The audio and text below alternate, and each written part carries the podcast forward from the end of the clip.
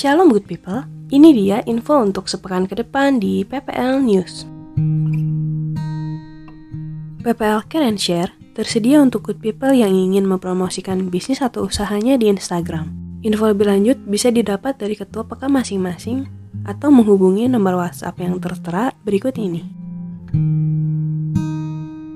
Bila ada good people yang sedang berbeban berat dan membutuhkan dukungan doa, jangan ragu untuk menghubungi nomor WhatsApp atau klik link berikut ini. Shalom adik-adik, kita bulan Desember akan melakukan sesuatu hal yang berbeda. Ibadah kelas kecil dan kelas besar akan digabung. Jadi ibadahnya cuma satu kali, pukul 8.30. Ingat, apa yang akan terjadi di bulan Desember? Kalian saksikan, ada sesuatu hal yang beda. Sama kakak-kakaknya, sama semuanya ada yang beda. Termasuk kakak jadi apa ya? Hmm, lihat nanti. Persembahan dan perpuluhan dapat disalurkan melalui rekening BCA atau scan QR code berikut ini. Good people, jangan lewatkan ngobats atau ngobrol bareng sahabat yang akan tayang via Instagram Live di jam yang tertera. Kelas mengenal Kristus tanggal 3 Desember akan membahas tentang tertanam di gereja lokal bersama Pastor Lukas Jonathan. Kelas akan diadakan lewat Zoom pada jam berikut ini. Link Zoom-nya akan di-share lewat grup WhatsApp. Ibadah onsite sudah dibuka untuk jemaat. Pengerja dan juga jemaat yang rindu untuk hadir di ibadah onsite dapat mendaftarkan diri melalui nomor WhatsApp yang tertera. Berikut adalah cabang-cabang yang sudah melaksanakan ibadah onsite. Ibadah minggu depan akan disertai dengan perjamuan kudus. Ibadah Geneo untuk youth people akan digabung di minggu pertama. Ibadah dilaksanakan dalam protokol kesehatan yang meliputi Ibadah ditujukan untuk jemaat berusia 12 hingga 60 tahun. Sebelum memasuki ruang ibadah, jemaat wajib mengikuti protokol yang dijalankan. Ibadah hanya berlangsung selama 60 menit. Karena itu jemaat diharapkan hadir tepat waktu. Jemaat wajib memakai masker dari rumah dan tidak dilepas selama ibadah berlangsung. Jemaat yang mengalami gejala demam, batuk, pilek, dan sebagainya dianjurkan untuk tetap beristirahat di rumah. Jika suhu tubuh di atas 37,2 derajat Celcius, maka jemaat tidak diperkenankan mengikuti ibadah. Ibadah akan segera dimulai. Selamat beribadah, good people. Tetap semangat, tetap sehat. Tuhan Yesus memberkati.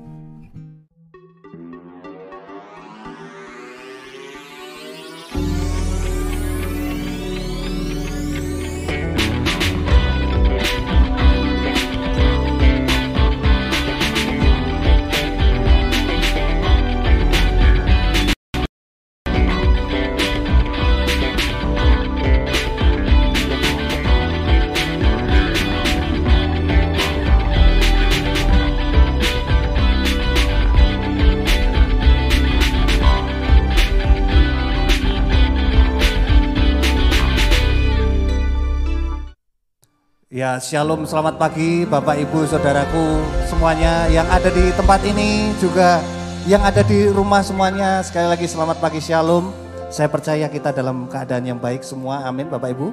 Kita punya satu tujuan yang sama. Kita mau menaikkan ucapan syukur kita melewati pujian dan penyembahan yang kita naikkan hari ini. Saya undang kita bangkit berdiri Bapak Ibu. Kita berikan tepuk tangan yang paling meriah buat Tuhan Yesus. Haleluya. Mari kita bertepuk tangan. Kita puji namanya. Kita puji kebesarannya. Haleluya.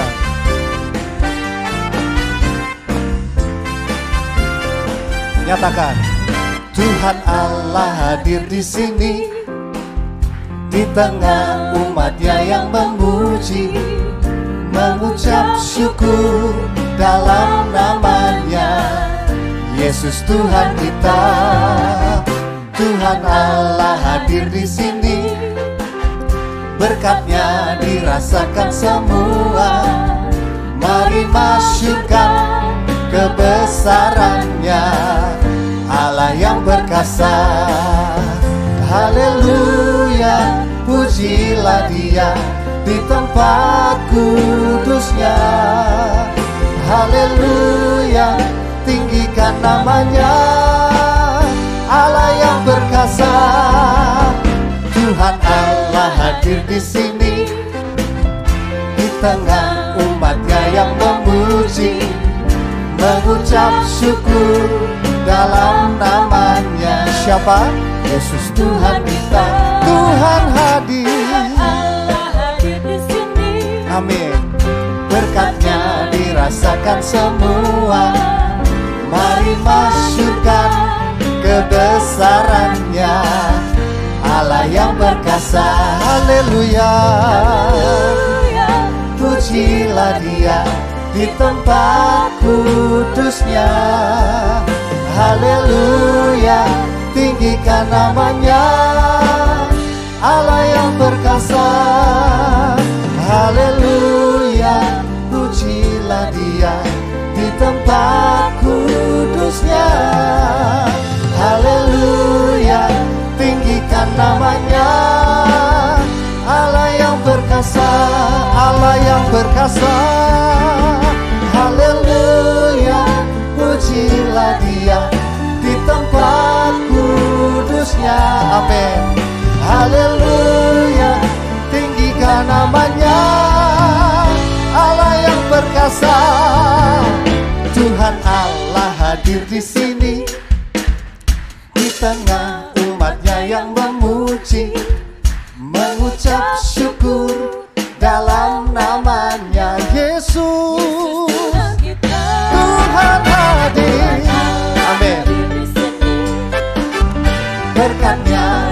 dirasakan semua. Mari masyurkan kebesarannya. Allah yang perkasa Mari masyurkan kebesarannya. Allah yang perkasa Mari masyurkan kebesarannya. Allah yang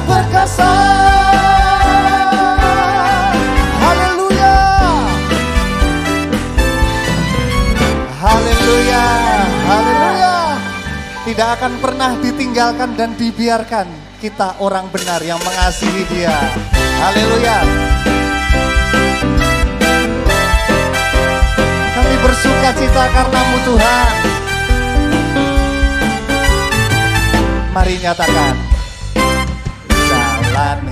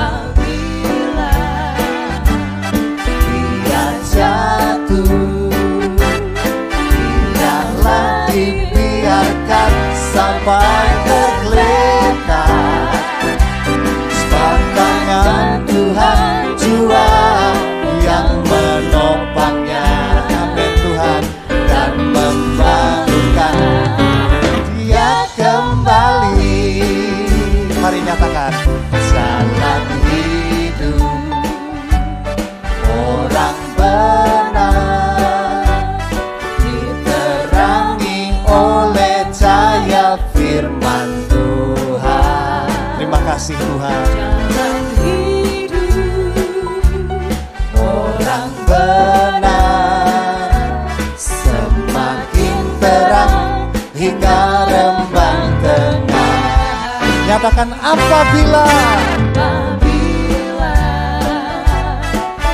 dia jatuh Tidak dibiarkan. Sampai tergeletak. Sebab tangan Tuhan jua yang menopangnya. Dan membangunkan dia kembali Sekali lagi ya, sekali lagi nyatakan. Jalan hidup. Nyatakan dengan yakin Bapak Ibu. Terima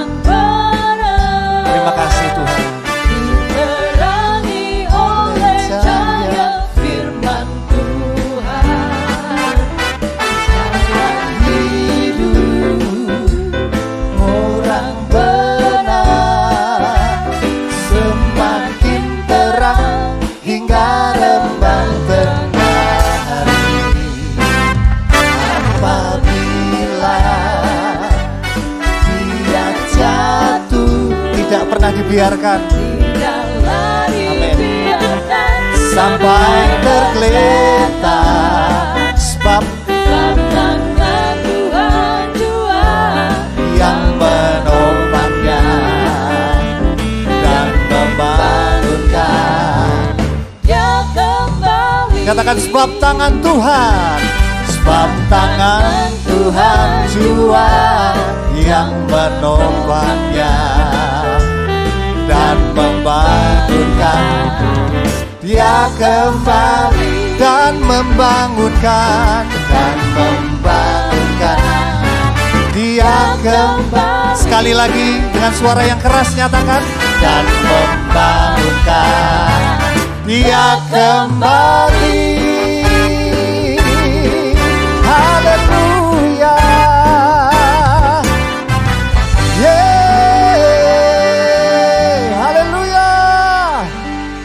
tiada ku ragu lagi untuk mengikutmu Yesus. Amin. Tiada ku ragu lagi untuk melayanimu. Walau banyak rintangan dan badai pun menerjang tiada ku ragu lagi untuk selamanya. Serukan namanya Yesus Yesus sahabatku penolong dalam hidupku. Ku rindu semua orang mengenalmu.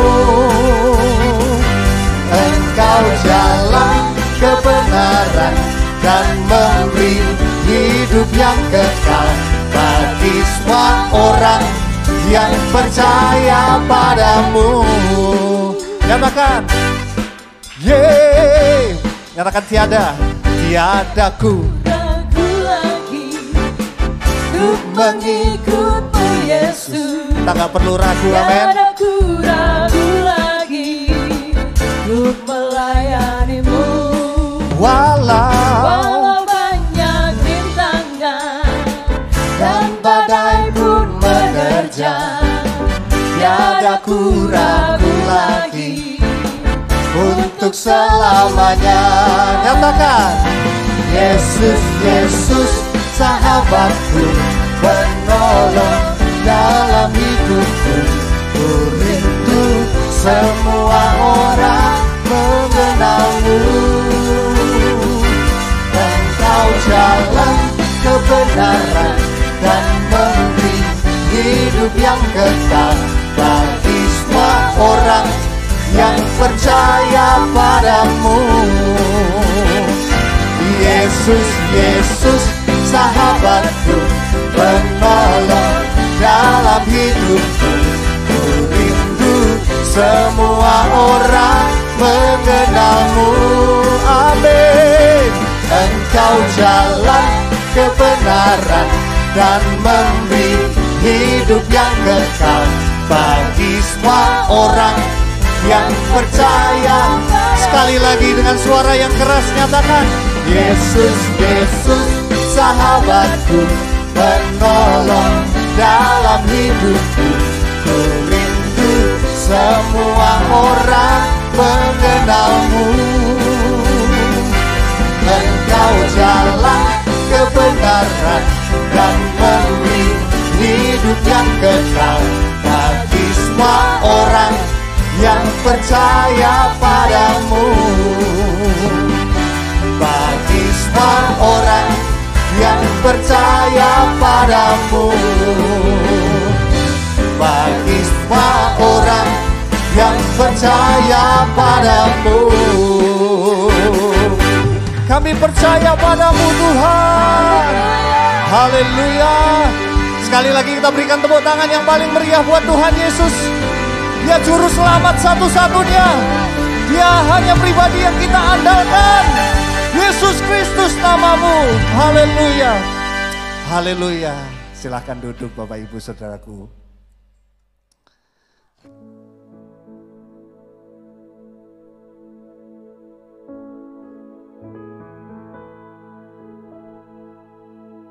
Makasih Tuhan.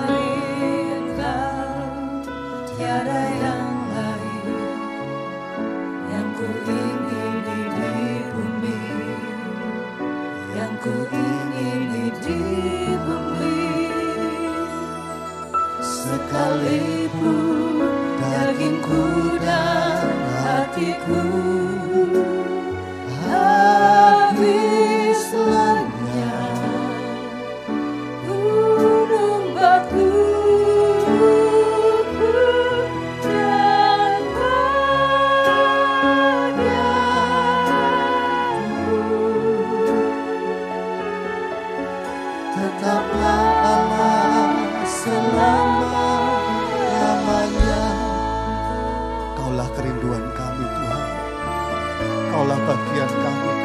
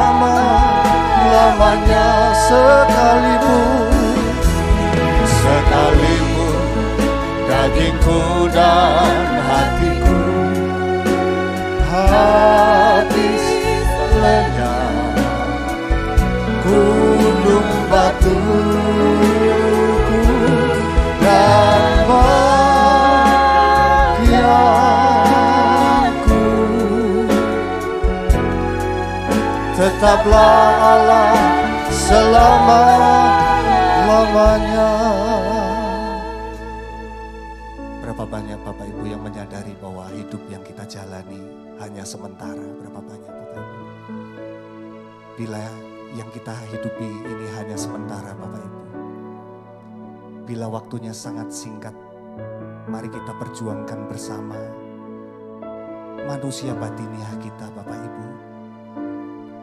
Karena manusia jasmani kita semakin hari semakin merosot Bapak Ibu. Mari kita bersama-sama mempercantik manusia batiniah kita. Amin Bapak Ibu. Kita mau dan kita rindu berkarakter seperti Tuhan kita Yesus Kristus. Berapa banyak Bapak Ibu yang mau serupa dengan Tuhan Yesus? Boleh kita angkat tangan kita. Tidak ragu, kita mau berkata. Selain kau tiada yang lain. Kerinduan kita hanya satu. Ada padaku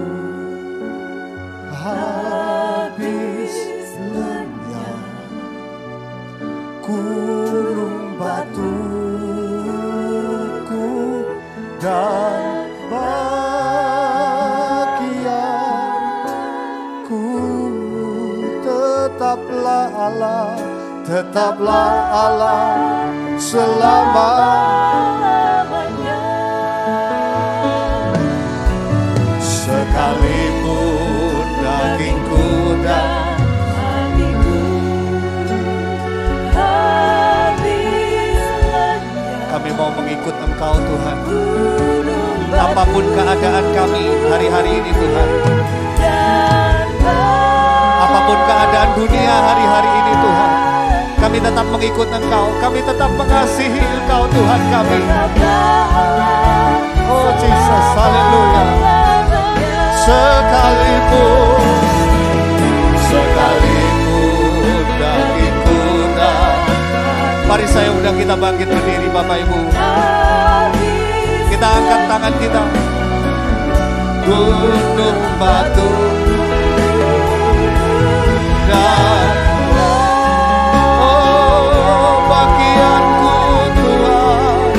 tetaplah Allah selama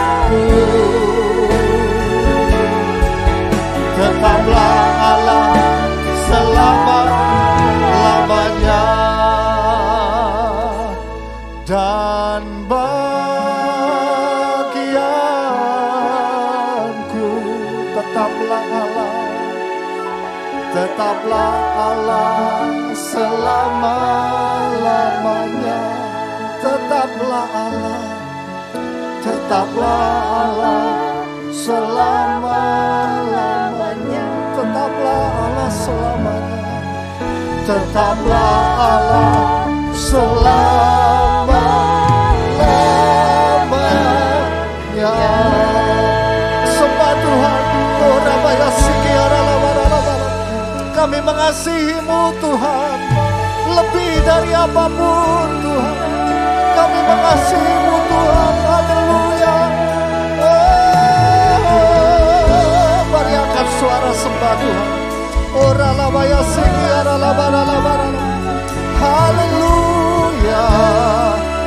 Kami bersyukur Tuhan Untuk kehadiran Tuhan dalam hidup kami Itu lebih dari segala-galanya Tuhan Jesus kami menyembahmu Tuhan kami bulatkan tekad kami mengasihimu senantiasa Tuhan Memuliakanmu senantiasa Tuhan. Haleluya. Mari kita angkat kedua tangan kita Bapak Ibu. Kita sembah Tuhan. Ora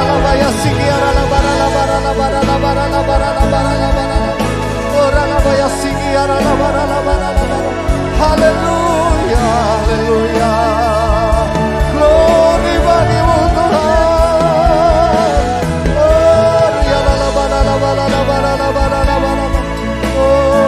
Oh, Jesus. Kami sungguh hati mengasihimu Tuhan. Mengasihimu senantiasa Tuhan. Haleluya. Oh, la bara. Haleluya.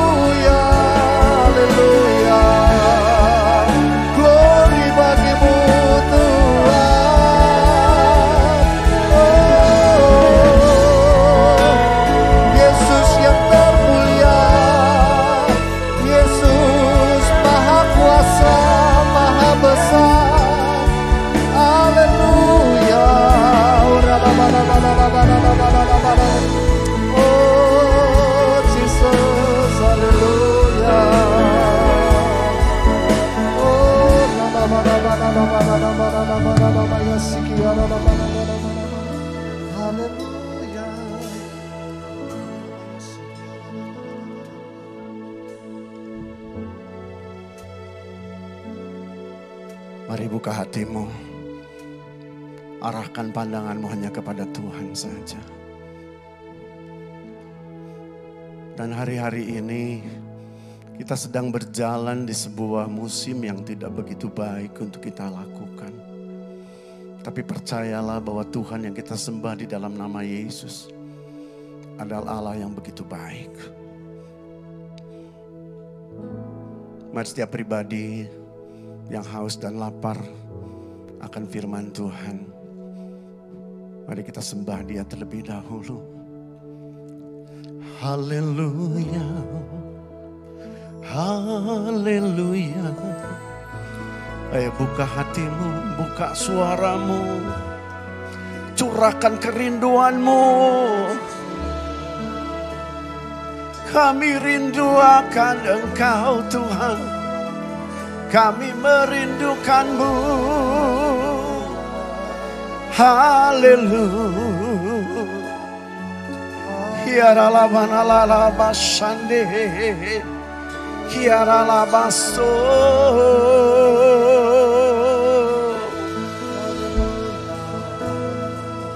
Shikarala barala barala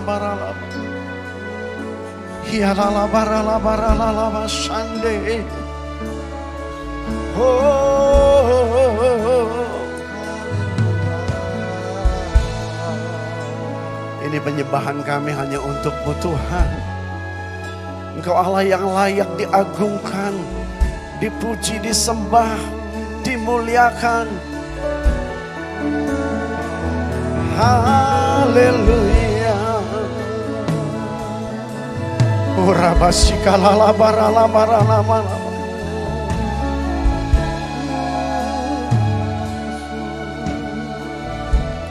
Baik Tuhan Yesus. Kau baik. Terima kasih untuk waktu dan kesempatan yang Tuhan berikan di mana setiap kami tetap bisa beribadah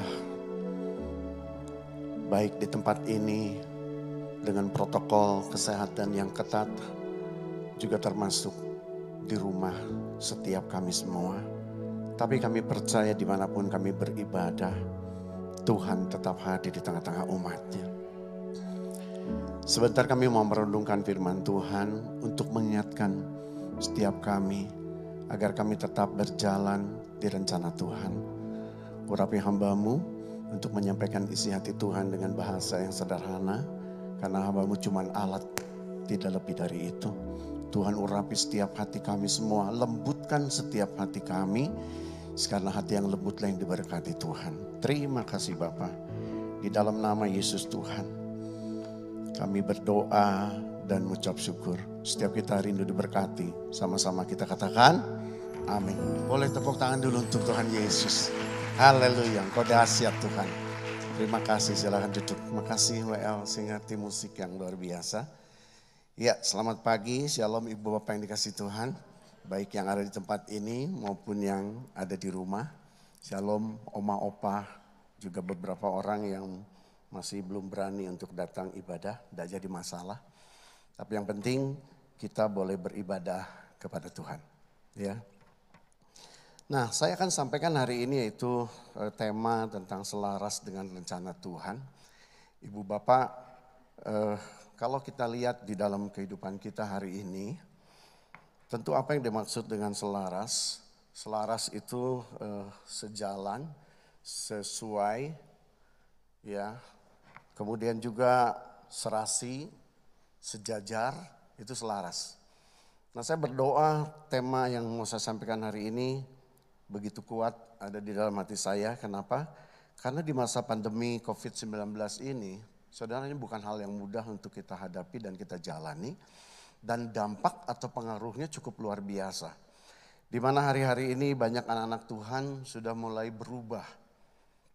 Ya, baik di dalam kehidupannya, di dalam kesetiaannya kepada Tuhan, juga di dalam iman percaya dia. Ya kita tidak bisa salahkan keadaan seperti ini. Tapi masalahnya adalah kalau kita membiarkan keadaan menekan kita terus, dan kita bukan semakin dekat dengan Tuhan tapi semakin jauh dari Tuhan itu adalah hal yang sangat berbahaya. Jadi hari-hari ini kita melihat ada banyak sifat yang mulai berubah, karakter-karakter yang muncul karena tekanan, ya. Kemudian juga e, seolah-olah tujuan hidup mulai ragu-ragu untuk jalani, dulu bersemangat melayani, dulu bersemangat ikut ibadah. Sekarang ibadah itu ibaratnya sebuah perjuangan untuk ibu bapak bisa datang seperti ini. Itu bukan hal yang mudah. Tapi percayalah di dalam Tuhan kita selalu diingatkan untuk selalu senantiasa setia kepada Tuhan. Setuju katakan amin. Jadi kita patut bersyukur kepada Tuhan Yesus melalui pemerintah yang ada saat ini mengizinkan kita bisa beribadah. Saudara pakai kesempatan ini. Ya, begitu juga dengan omah opah yang ada di rumah yang sampai hari ini belum bisa ibadah, tidak apa-apa. Yang penting dengar firman Tuhan. Nah, saudara, saya hari ini mau sampaikan karena saya melihat sekarang ini orang sudah mulai keluar dari tracknya Tuhan, dari rencana dan jalannya Tuhan. Kalau saya main dengan anak saya Nail, main kereta api kereta api yang selama lokomotif dan gerbongnya itu ada di rel dengan baik, dia akan berputar-putar dan kita bisa gurau, bisa ketawa dan lain sebagainya. Tapi sekali waktu kalau ada sesuatu yang mengganjal di rel itu mulai keluar lokomotif itu. Dan akibatnya apa? Lokomotif itu di jalan nggak karuan, gerbong di belakang pada jatuh semua. Nah saya mau ingatkan hari ini begitu juga dengan iman percaya kita hari ini. Kalau hari ini kita sudah mulai keluar dari relnya Tuhan, kita perlu berhati-hati. Ya. Kenapa? Karena beban seperti yang kita harapnya hadapi hari ini adalah hal yang berbeda. Contoh ibadah. Dulu ibadah itu dikejar-kejar. Wow. Banyak orang lihat pembicara ini kejar, minta pengurapan, KKR kesembuhan, KKR ilahi dan lain sebagainya. Tapi hari ini lihat saya melihat banyak sekali kita mulai berjuang hanya untuk ibadah. Saya berterima kasih untuk keberanian, kesetiaan ibu bapak bisa datang beribadah. Ini bukan hal yang mudah. Ya, kemudian lihat dampaknya sekarang kepada ekonomi, ya, hubungan suami istri mulai terganggu. Kemudian juga sekolah anak-anak itu tidak mudah. Ya, saya ngobrol dengan uh, pembantu di di rumah. Kalau datang gimana ibu anak-anak ya tergantung kuota pak. Kalau kuotanya masih ada ya anak sekolah. Kalau kuotanya habis ya udah nggak nggak belajar lagi. Paling besok atau lusa kalau ada uang baru bisa sekolah lagi. Saudara ini ini dampak yang dahsyat bagi pendidikan juga. Dan termasuk tekanan kepada anak-anak berbeda sekarang. Pernah dengar ada seorang anak berdoa karena COVID? Anak ini berdoa, Tuhan Yesus tolong COVID ini segera berlalu. Dahsyat kan doanya. Tapi di belakangnya dia ngomong gini, karena ibuku ternyata tidak cocok jadi seorang guru. Saya kalau tiap hari ngomong sama Rosi, sabar, sabar. Tiap hari ini perang Vietnam di rumah. Ayo ngapalin, sebentar lagi PHS, udah bisa. Ngapalin udah bisa. Main HP aja main game. Begitu ulangan ada sesuatu yang salah mam. Begitu tutup maminya langsung berdiri. Sudah dibilangin bisa, bisa. Ternyata anak itu udah lihat, mah aku dapat 98. Saya bilang 98 aja sekarang diomelinnya kayak gitu. Dulu anak-anak diomelin itu kalau triwulan atau bagi rapot, betul enggak? Kenapa ini merahnya banyak? Kenapa ini? Sekarang setiap hari diomelin. Ini tekanannya luar biasa. Nah hari ini kita mau belajar bersama-sama supaya kita mengerti bahwa di dalam keikutan kita kepada Tuhan dalam segala keadaan kita harus tetap harmoni dengan Tuhan. Katakan amin. Jadi selaras itu ibu bapak lebih gampang saya gambarkan inilah. E, musik. Kita dari tadi dengar nyanyi, pujian, nyembah, diiringi oleh musik yang begitu enak. Betul enggak? Nah kenapa? Karena mereka ada di satu nada yang sama, satu kunci yang sama. Bayangkan kalau keyboardnya main di C, pemain bassnya main di A, ya kemudian juga uh, pemain melodi main di F, begitu jreng semuanya saya yakin kita tidak bisa nyanyi, kacau semuanya. Makanya kalau musik selalu di stem dulu. Ya, sepakat dulu lagu ini mau main di mana nada dasarnya. Oh di C, semua akan main di C. Nah kalau choir, saya pernah ikut choir juga, Ibu Bapak kalau zaman sekarang gampang ya ada keyboard, ada uh, piano dan sebagainya. Zaman saya dulu keliling-keliling gereja itu uh, pemimpinnya akan selalu bawa yang namanya garpu tala. Ting, itu didengerin. Supaya nanti yang posisi uh, suara satu dia tahu nada dasar dia di situ. Yang suara dua di situ. Yang suara tiga di situ. Udah ada patokan. Tapi bayangkan kalau tidak dibunyikan garpu talanya, teng, begitu nyanyi tidak ada dasar, kacau choir itu. Nah demikian juga dengan kehidupan kita hari ini. Mari kita mau introspeksi. Maaf saya tidak menghakimi, tapi setiap kali firman Tuhan berbicara itu untuk saudara maupun untuk kita yang menyampaikan. Amin. Nah kita akan berbicara gini, apa yang harus kita lakukan di dalam eh, dampak-dampak pandemi seperti ini. Ya mau tidak mau kita harus selaraskan sekarang. Kalau kita tidak menyelaraskan iman percaya kita kesetiaan kita kepada Tuhan, kita akan mulai keluar rel. Ya. Nah, kenapa harus diselaraskan? Yuk baca ayat ini. Yuk dua tiga. Tetapi rencana Tuhan tetap selama-lamanya. Rancangan hatinya apa? Turun temurun. Nah bagian Tuhan, bagian Tuhan yang memberikan rencana kepada saudara dan saya adalah rencana yang tetap. Katakan tetap. Tidak pernah berubah oleh keadaan apa pun. Dia sekali menjadi bapak yang baik, selama-lamanya dia jadi bapak yang baik. Katakan amin.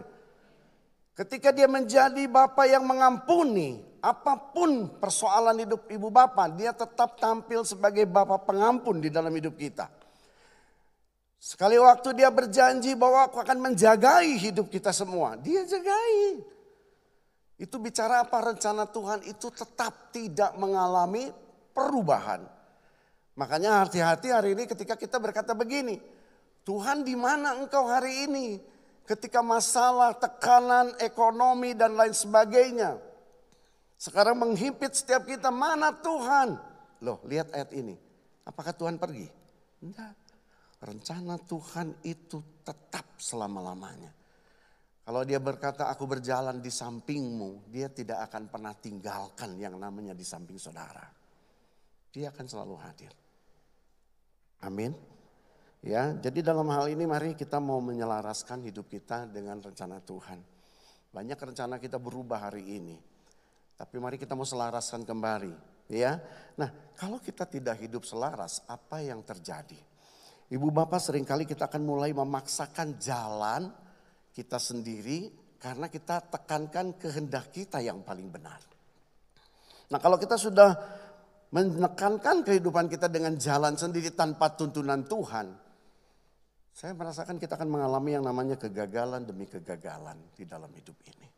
Kita akan mengalami banyak hal yang membuat kita terseok-seok di dalam menjalani hidup ini. Di dalam Amsal 19 ayat 21 firman Tuhan berkata gini, banyaklah rancangan di hati manusia tetapi keputusan Tuhanlah yang terlaksana. Saudara berencana apa pun, kalau itu dilakukan di luar kehendak Tuhan ada banyak resiko yang namanya kegagalan. Karena Alkitab tulis hanya keputusan Tuhan yang terlaksana.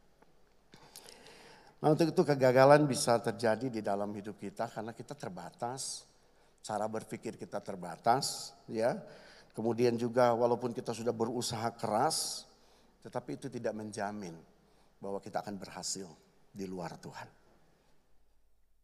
Nah untuk itu mari bawa setiap rencanamu masuk, selaraskan, supaya setiap keputusan yang kita ambil itu bukan keputusan karena kedagingan kita. Ya, karena ego kita, tapi keputusan yang kita selaraskan dengan rencana Tuhan. Saudara setiap rencana bisa mengalami perubahan kalau kita tidak menahan ego kita. Kalau kita tidak menguasai hati kita. Amin. Sekali waktu ada seorang yang membangun rumah. Ketika dia bangun rumah, dia hitung dia cukup dengan biaya yang yang seadanya dia hitung oke cukup supaya tidak gagal panggil pemborong.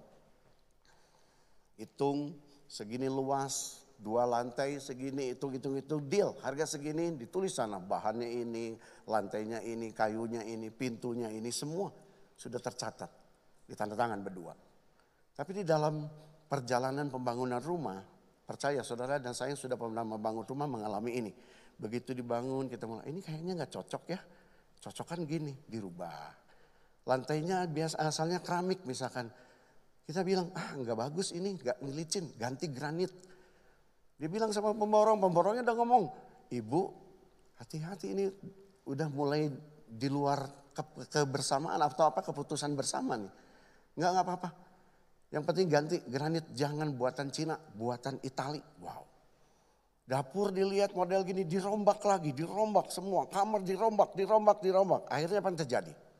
Rumah tidak selesai, biaya sudah habis. Nah demikian juga dengan kita hidup akan Tuhan. Saudara hari ini tujuan kita jangan sampai goyah oleh karena situasi dan keadaan. Setuju katakan amin. Jangan pernah merubah rencana kita oleh karena ego dan hawa nafsu kita. Tapi kita mau belajar bersama-sama tunduk dan menurut kepada Tuhan. Apa yang harus kita lakukan ya. Nah Mari kita lihat, orang bilang bagaimana Pak kita bisa menyelaraskan. Karena Alkitab tulis sebab rancanganku bukanlah rancanganmu dan jalanmu bukanlah jalanku. Demikianlah firman Tuhan. Dikatakan seperti tingginya langit dari bumi demikianlah tingginya jalanku dari jalanmu dan rancanganku dari rancanganmu. Nah justru inilah karena rencana Tuhan dan rencana manusia itu jauh sekali dan sangat berbeda. Bahkan Alkitab tulis dengan begitu ketat dikatakan seperti langit dan bumi jaraknya. Jadi tujuan kita cuma satu. Kan ingat tadi Alkitab pertama bilang tadi Mas Pur bahwa rencana Tuhan tidak berubah. Setuju katakan amin. Nah bagaimana dengan kita? Rencana kita yang harusnya mendekatkan kepada Tuhan. Nah ini dikatakan mari kita selaraskan rencana kita dengan rencana Tuhan. Ya, karena dengan demikian ibu bapak yang dikasih Tuhan, saya yakin apa yang hari-hari ini kita jalani bersama, kita perlu terang Tuhan itu ada di dalam setiap hidup kita semua. Nah banyak orang berpikir bagaimana Pak menyelaraskan. Mari kita cek begini. Hanya saudara dan Tuhan yang tahu kehidupan kerohanian saudara hari ini. Kalau hari ini saudara mulai menjauh dari Tuhan karena keadaan. Bertobat. Mari kembali selaraskan untuk berjalan bersama dengan Tuhan. Nah kata selaras ini, ini bicara proses. Setiap orang berbeda. Setiap orang berbeda keinginan. Setiap orang berbeda kemauan. Tetapi yang sama adalah prosesnya. Kalau hari ini saudara menyadari bahwa rencana kita sudah jauh dari rencana Tuhan. Bisnis kita hari ini dulunya takut Tuhan sekarang tipu kanan tipu kiri karena kita butuh uang. Atau kita mendidik anak sekarang dengan keras dulu dengan lembut. Mari bertobat. Kembalikan kita masuk di dalam proses keselarasan dengan rencana Tuhan. Setuju katakan amin. Supaya apa? Hari ini perjalanan hidup kita ya yang dijalankan oleh kita adalah betul-betul keputusan yang dikuasai atau dipimpin oleh Tuhan melalui firman-Nya. Jadi gampang, Pak, bagaimana ngecek saya itu di luar rencana Tuhan, jauh dari rencana Tuhan atau dekat? Gampang. Mari kita cek setiap keputusan, setiap perkataan, setiap kehidupan hari ini yang keluar dari hidup saudara. Itu apa? Karena setiap kali yang keluar itu adalah tergantung yang memimpin di dalam hidup kita. Pikiran dan hati kita dikuasai oleh apa? Kalau hari ini kita dikuasai, contoh misalkan dengan kebencian, maka yang keluar lewat hidup saudara akan banyak kebencian. Kalau hari ini saudara hari ini berbicara dengan pribadi yang selalu marah, bahkan bukan marah, tingkatnya udah amarah. Itu artinya yang menguasai dan menjadi pemimpin di dalam hidup saudara adalah kemarahan. Tapi kalau hari ini saudara di dalam tekanan, seberat apa pun saudara tetap bisa mengucap syukur. Saya percaya Yesus yang menguasai hati dan pikiran kita. Kalau di dalam hati kita, hidup kita, perkataan kita bisa mengasihi orang yang berbuat jahat kepada kita. Bukan karena saudara mampu dan hebat.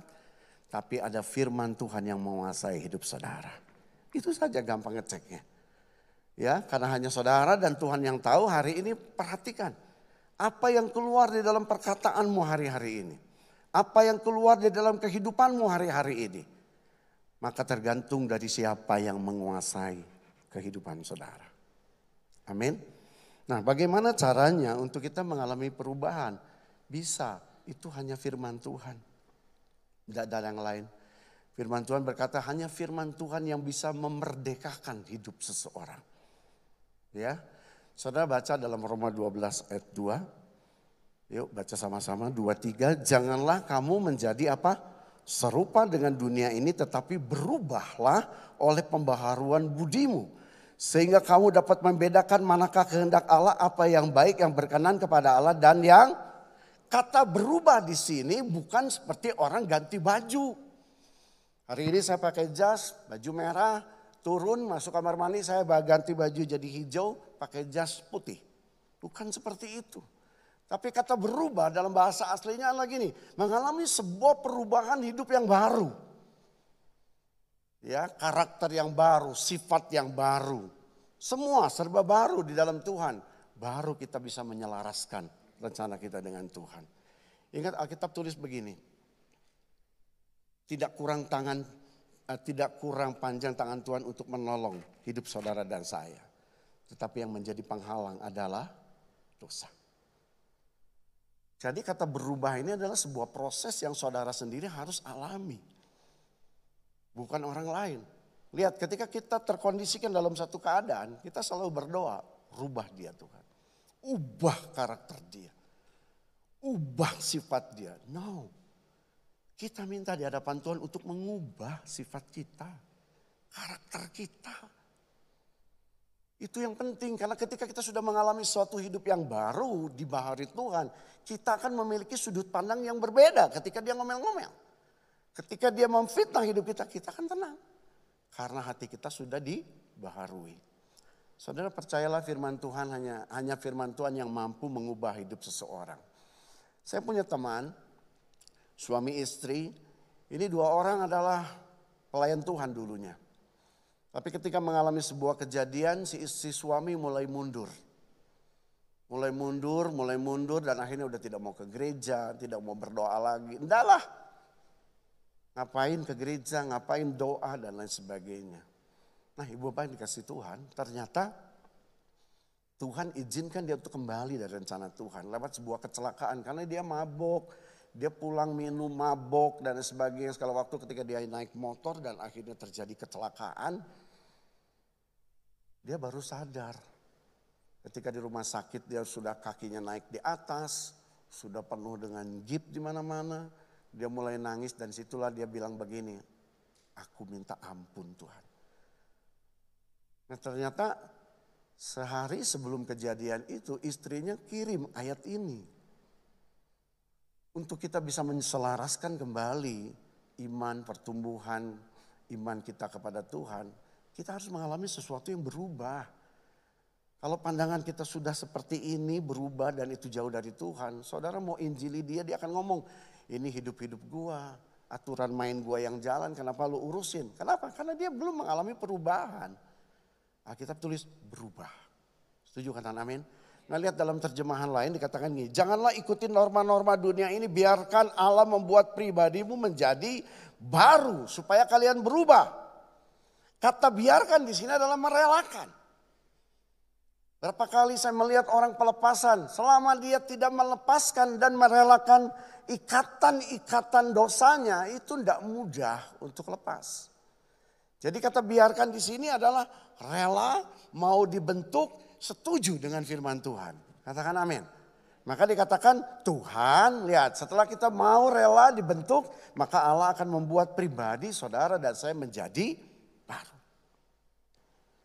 Amin. Jadi itu penting. Apa yang dimaksud dengan merelakan atau membiarkan? Satu, saudara harus datang di hadapan Tuhan dengan sungguh-sungguh meletakkan kehendak kita sendiri. Kiranya kehendak Tuhan yang terjadi dalam hidup ini. Itu poin yang pertama. Kata biarkan. Artinya kita percaya tentang kedaulatan Tuhan. Yang kedua, ibu bapak, saudara harus melembutkan hati untuk meletakkan hati dan pikiranmu di hadapan Tuhan. Supaya Allah mulai mengubah cara berpikir kita. Segala yang timbul di dalam hati kita. Dan yang ketiga, menyerahkan seluruh perkara di hadapan Tuhan. Karena tidak ada perkara apa pun yang bisa terlaksana tanpa seizin Tuhan. Itu kata biarkan. Karena dikatakan dengan demikian kalian sanggup. Nah lihat, mengetahui kemauan Allah yaitu apa yang baik dan yang menyenangkan hatinya dan yang sempurna. Selama kita tidak mengalami proses penyelarasan hati, pikiran kita dengan Tuhan, kita tidak akan mengerti tentang kehendak dan keinginan Tuhan. Kita akan berjalan selonong boy saja ke mana pun kita akan pergi. Ya, nah, saudara, saya akan tutup dengan sebuah kisah di Alkitab. Ini tentang yang namanya Yeftah. Namanya kita lihat dan kita mau refleksikan kehidupan Yefta itu seperti apa sih di dalam hidup kita. Kita baca ya, adapun Yefta orang Gilead itu adalah seorang pahlawan yang gagah perkasa, tetapi ia anak seorang perempuan sundal dan ayah Yefta ialah Gilead. Dia dikatakan dia pahlawan. Tetapi lihat identitas dirinya, identitas kelahirannya itu tidak diakui. Karena dia anak perempuan sundal. Saudara bisa bayangkan kalau dia anak yang tidak tahu mamahnya, misalkan kita ada seorang anak yang tidak tahu mamahnya, tidak itu anak tidak dosa. Dia tidak berharap lahir dari seseorang yang tidak mengakui kelahirannya di muka bumi ini. Yang salah orang tuanya sebetulnya. Tapi lihat, walaupun Defta ini sudah menjadi seorang pahlawan sekalipun. Tapi yang terjadi adalah dia tetap ditolak karena identitasnya anak perempuan sudal. Kemudian yang kedua, ibu bapak, tolong. Oke lihat yang kedua, juga istri Gelea melahirkan anak laki baginya setelah besar anak-anak istrinya ini maka mereka mengusir Yefta. Katanya kepadanya engkau tidak mendapat milik pusaka dalam keluarga kami. Sebagai eh, engkau anak eh, Dikatakan di sana apa? Sebab engkau anak dari ini kepotong. Sebab engkau dari perempuan lain. Nah poin yang kedua dia diusir. Saya bisa bayangkan kalau seorang anak identitasnya tidak diakui, kemudian posisi dia diusir karena dia tidak memiliki hak waris. Apa yang terjadi? Sakit rasanya. Dia akan hidup dengan kekerasan. Dan yang ketiga lebih parah lagi. Larilah Yefta dari saudara-saudaranya itu, dari dia di tanah top, di sana berkumpullah kepadanya petualang-petualang yang pergi merampok. Sekarang kehidupannya berubah. Dulu seorang pahlawan, sekarang seorang perampok. Nah dari tiga ayat ini perhatikan. Inilah kehidupan, tolong diklik. Kondisi kehidupan Jefta. Tiga hal ini mendasari dia, saya yakin waktu dia tidak diakui sebagai seorang anak. Poin yang kedua kemudian dia diusir karena dia tidak memiliki hak waris. Tambah sekarang pergaulannya dengan orang-orang yang selalu merampok. Saya bisa bayangkan ini dekat dengan Tuhan atau jauh dengan Tuhan. Kita setuju jauh dengan Tuhan. Di hati kecil Yefta tidak seperti itu. Setiap kali mungkin Alkitab tidak tulis, tapi saya lihat karena terakhirnya beda. Saya melihat Yefta pasti menangis setiap kali dia melakukan kejahatan. Aku sebetulnya tidak mau lakuin ini. Tapi pulang tidak diakui, diusir. Ya, bahkan lihat sekarang bergaul rampok sana rampok sini, hatinya menangis. Karena nanti saudara akan baca ayat selanjutnya, ya tidak usah dibaca. Di ayat selanjutnya di ayat 11, saudara ini luar biasa ketika ada Bani Amon menyerang bangsa Israel. Kemudian Yefta diundang kembali menjadi pemimpin. Nah perhatikan di ayat ini. Maka Yefta ikut dengan para tua-tua Gilead lalu bangsa itu mengangkat dia menjadi kepala dan panglima mereka. Ya. Tetapi Yefta membawa seluruh perkaranya itu ke hadapan Tuhan. Dalam kondisi terpuruk sekalipun, dalam kondisi tidak diakui, dalam kondisi dia hidup di dalam kekerasan. Pada saat dia ditawarkan untuk menjadi pemimpin kembali, satu syaratnya. Angkat aku jadi pemimpin dan yang kedua, sementara orang berjalan dengan kesepakatan, dia hanya duduk di hadapan Tuhan. Dia serahkan perkaranya itu kepada Tuhan. Itu adalah pribadi yang menyelaraskan hidupnya dengan Tuhan. Kenapa saudara? Karena perhatikan di dalam Ibrani, dia tercatat sebagai pahlawan iman. Bukan lagi pahlawan yang membela bangsa Israel tapi Alkitab tulis dan apakah lagi yang harus aku sebut sebab aku akan kekurangan waktu apabila aku hendak menceritakan tentang Gideon, Barak, Simpson, siapa? Yefta, Daud dan Samuel dan para nabi tercatat. Kenapa dia tercatat? Karena dia mengadakan pemulihan di dalam hati dan hidupnya. Dia selaraskan, dia buang masa lalunya, dia buang kebenciannya kepada keluarganya, kepada saudara-saudara, dia buang semuanya itu. Dengan tujuan cuma satu, menyelaraskan kembali hidupnya dengan Tuhan. Nah hari ini saya tidak tahu kehidupan saudara yang saudara hari jalani. Apakah dampak keadaan situasi pandemi ini membuat kita mulai luntur iman kita, kepercayaan kita kepada Tuhan, atau saudara tetap struggle untuk ikut Tuhan. Tapi percayalah kita mau bawa seluruh kehidupan dan rencana-rencana kita dan perkara-perkara yang kita hadapi hari ini di hadapan Tuhan seperti Yefta. Ya, karena Alkitab tulis, karena rencana Tuhanlah yang pasti terlaksana. Saudara, kejadian pandemi, masalah, problem yang kita hadapi, tidak usah dipermasalahkan. Itu akan berjalan. Apa pun saudara melakukan, menghadapinya, masalah akan tetap berjalan. Tapi berbeda kalau kita menyelaraskan iman kita kepada Tuhan. Menyerahkan hidup kita kepada Tuhan. Apa yang terjadi saudara? Kita akan menjadi pribadi yang kuat di dalam Tuhan. Kita akan menjadi pribadi yang tetap percaya kepada Tuhan. Kita akan menjadi pribadi yang selalu mengucap syukur dalam segala keadaan apa pun. Amin. Mari bangkit berdiri. Apa pun keadaanmu hari ini, apa pun situasi yang kau hadapi, saudara tutup matamu dan buka hatimu, katakan begini. Berserah kepada Yesus tubuh roh dan jiwaku ku kasihi ku percaya ku ikuti dia. Sekali lagi katakan berserah kepada Yesus. Berserah kepada Yesus tubuh roh dan jiwa ku kasihi ku kasihi ku ku ikuti mari angkat tanganmu katakan Aku berserah. Aku berserah kepadamu Tuhan Apa pun keadaan yang kami hadapi hari ini Pada Yesus Juru selamat Aku ber Aku berserah. Aku ber Aku berserah Pada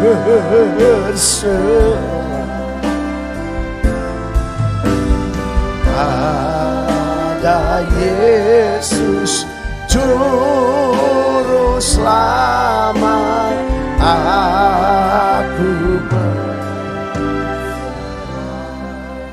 Terima kasih untuk anugerah Tuhan Yesus. Aku percaya saat aku berserah kepadamu, maka engkau yang akan bertindak di dalam hidupku. Pagi hari ini, apa pun keadaan pergumulan persoalan yang kami hadapi, kami akan berserah sepenuhnya hanya kepadamu Tuhan Yesus. Kami tidak mau berjalan di dalam kehendak kami. Kami tidak mau ego kami yang memimpin hidup ini. Tapi dengan sepenuh hati, dengan tulus hati. Dan merelakan hidup kami. Kami mau menyerahkan hidup ini ke dalam tanganmu Tuhan. Karena kami percaya bahwa hidup ini milik Tuhan. Pakai hidup kami sesuai dengan kehendak-Mu. Bawa dan hati kami dan pikiran kami itu semua hanya untuk Tuhan, kepada Tuhan. Karena kami percaya di dalam Yesus Tuhan ada perubahan. Biarlah firman-Mu yang menguasai setiap hidup kami. Pagi ini kami berdoa karena kami mengakui kami tidak mampu tanpa Tuhan. Kami nggak mampu Tuhan. Bahkan sering kali kekerasan hati kami bukan mendekatkan kami kepada Tuhan. Tapi kami semakin jauh dari Tuhan. Kami percaya Engkau anugerah di dalam hidup ini.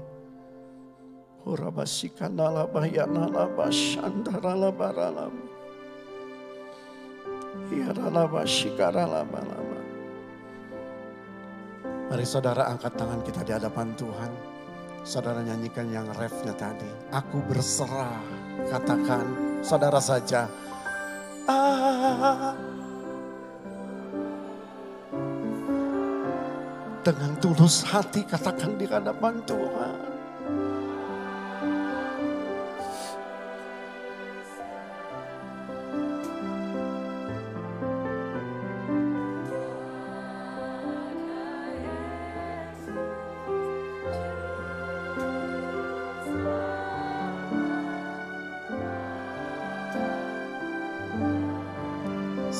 Lagi, lebih sungguh-sungguh katakan.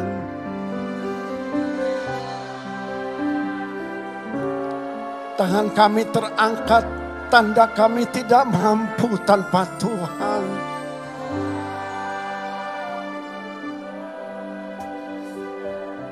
Tolong beri kekuatan untuk kami bisa menyelaraskan hidup kami dengan rencanamu Tuhan.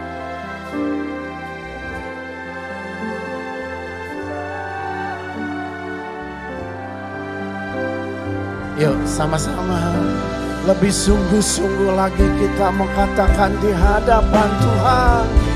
Aku berserah. Aku berserah. Aku berserah.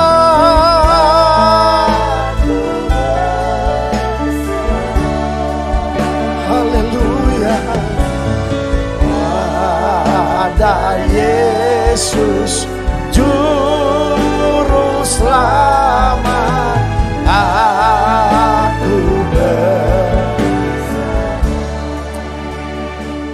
Pujian ini menjadi doa setiap kami. Dengan kesungguhan hati, kerelaan hati di hadapan Tuhan, bentuk hidup kami, kuasai hati dan hidup kami. Karena pagi ini statement kami adalah menyerahkan seluruh hidup kami ke dalam tangan Tuhan. Bapa, mari berikan pengertian yang lebih dalam lagi bagi setiap kami yang mendengar firman Tuhan termasuk hambamu. Supaya kami lebih sungguh-sungguh lagi di dalam menjalani hidup ini bersama dengan Tuhan. Kalau hari ini karena keadaan membuat kami mulai mundur. Membuat kami tidak lagi menjadikan pertumbuhan iman tidak menjadi sesuatu yang utama. Ampuni kami. Biarlah kami hari ini terus mulai mencari Tuhan kembali. Kalau hari ini ibadah sudah menjadi sebuah perjuangan untuk kami bisa beribadah baik di tempat kami bisa beribadah dengan protokol kesehatan yang begitu ketat maupun di rumah-rumah tangga kami. Berikan kekuatan bagi kami. Sehingga kami akan memiliki jam-jam yang betul-betul berharga bersama dengan Tuhan. Setiap ibadah jam 7 kami sepakat suami, istri, orang tua, anak-anak. Dengan berpakaian yang pantas di hadapan Tuhan. Mempersatukan hati kami untuk mencari Tuhan. Memberi yang terbaik untuk Tuhan. Sehingga ibadah akan berjalan walaupun di rumah dengan penuh hikmat karena Tuhan hadir di sana. Terima kasih Bapak.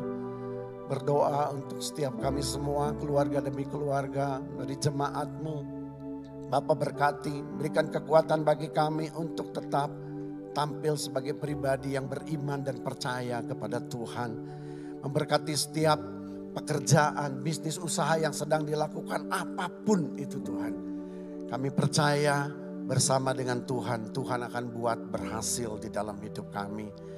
Berkati juga setiap para pengerja, para pemimpin rohani, semua diberkati Tuhan agar kami tetap mampu dengan hati yang tulus di hadapan Tuhan untuk melayani Tuhan. Dan kami juga berdoa hari-hari ini pandemi semakin naik, tapi kami tetap beriman bahwa tidak ada hal yang terjadi di luar sepengetahuan Tuhan. Kami percaya oleh kemurahan Tuhan, pandemi COVID ini bisa berlalu dengan baik. Sehingga kami akan bisa menjalani hidup dengan kembali lagi seperti biasa. Tuhan tolong berkati seluruh pemimpin-pemimpin bangsa ini. Roh takut akan Tuhan menyertai setiap para pemimpin. Sehingga setiap keputusan yang diambil itu menjadi bijaksana dan baik bagi setiap kami. Tuhan berkati juga bangsa rakyat Indonesia ini. Agar kami tampil sebagai pribadi yang taat mengikuti aturan main supaya pandemi ini bisa terputus. Biarlah setiap kami boleh melakukan mencuci tangan, menjaga jarak dan memakai masker ke mana pun kami berangkat. Dengan demikian kami percaya pandemi bisa selesai karena Tuhan sendiri yang berperkara. Dan sebentar kami akan kembali kepada aktivitas kami. Dan sebelum berpisah kami mau terima berkat yang datang dari Tuhan. Buka hatimu. Saudara baik yang di tempat ini maupun yang di rumah. Hari ini mari yang sudah jauh dari Tuhan. Sudah tidak terlalu lagi mementingkan ibadah sebagai hal yang utama dalam hidup kita. selaraskan kembali dengan rencana Tuhan. Untuk itu pulang dan terimalah berkat yang berlimpah-limpah dari Allah Bapa melalui cinta kasih dari Tuhan Yesus Kristus dan melalui persekutuan yang indah dan manis dengan Allah Roh Kudus menyertai hidup saudara mulai pagi hari ini sampai Maranatha bahkan sampai selama-lamanya. Setiap kita yang sudah terima berkat sama-sama kita katakan amin. Silakan duduk Ibu Bapak. Tuhan Yesus memberkati.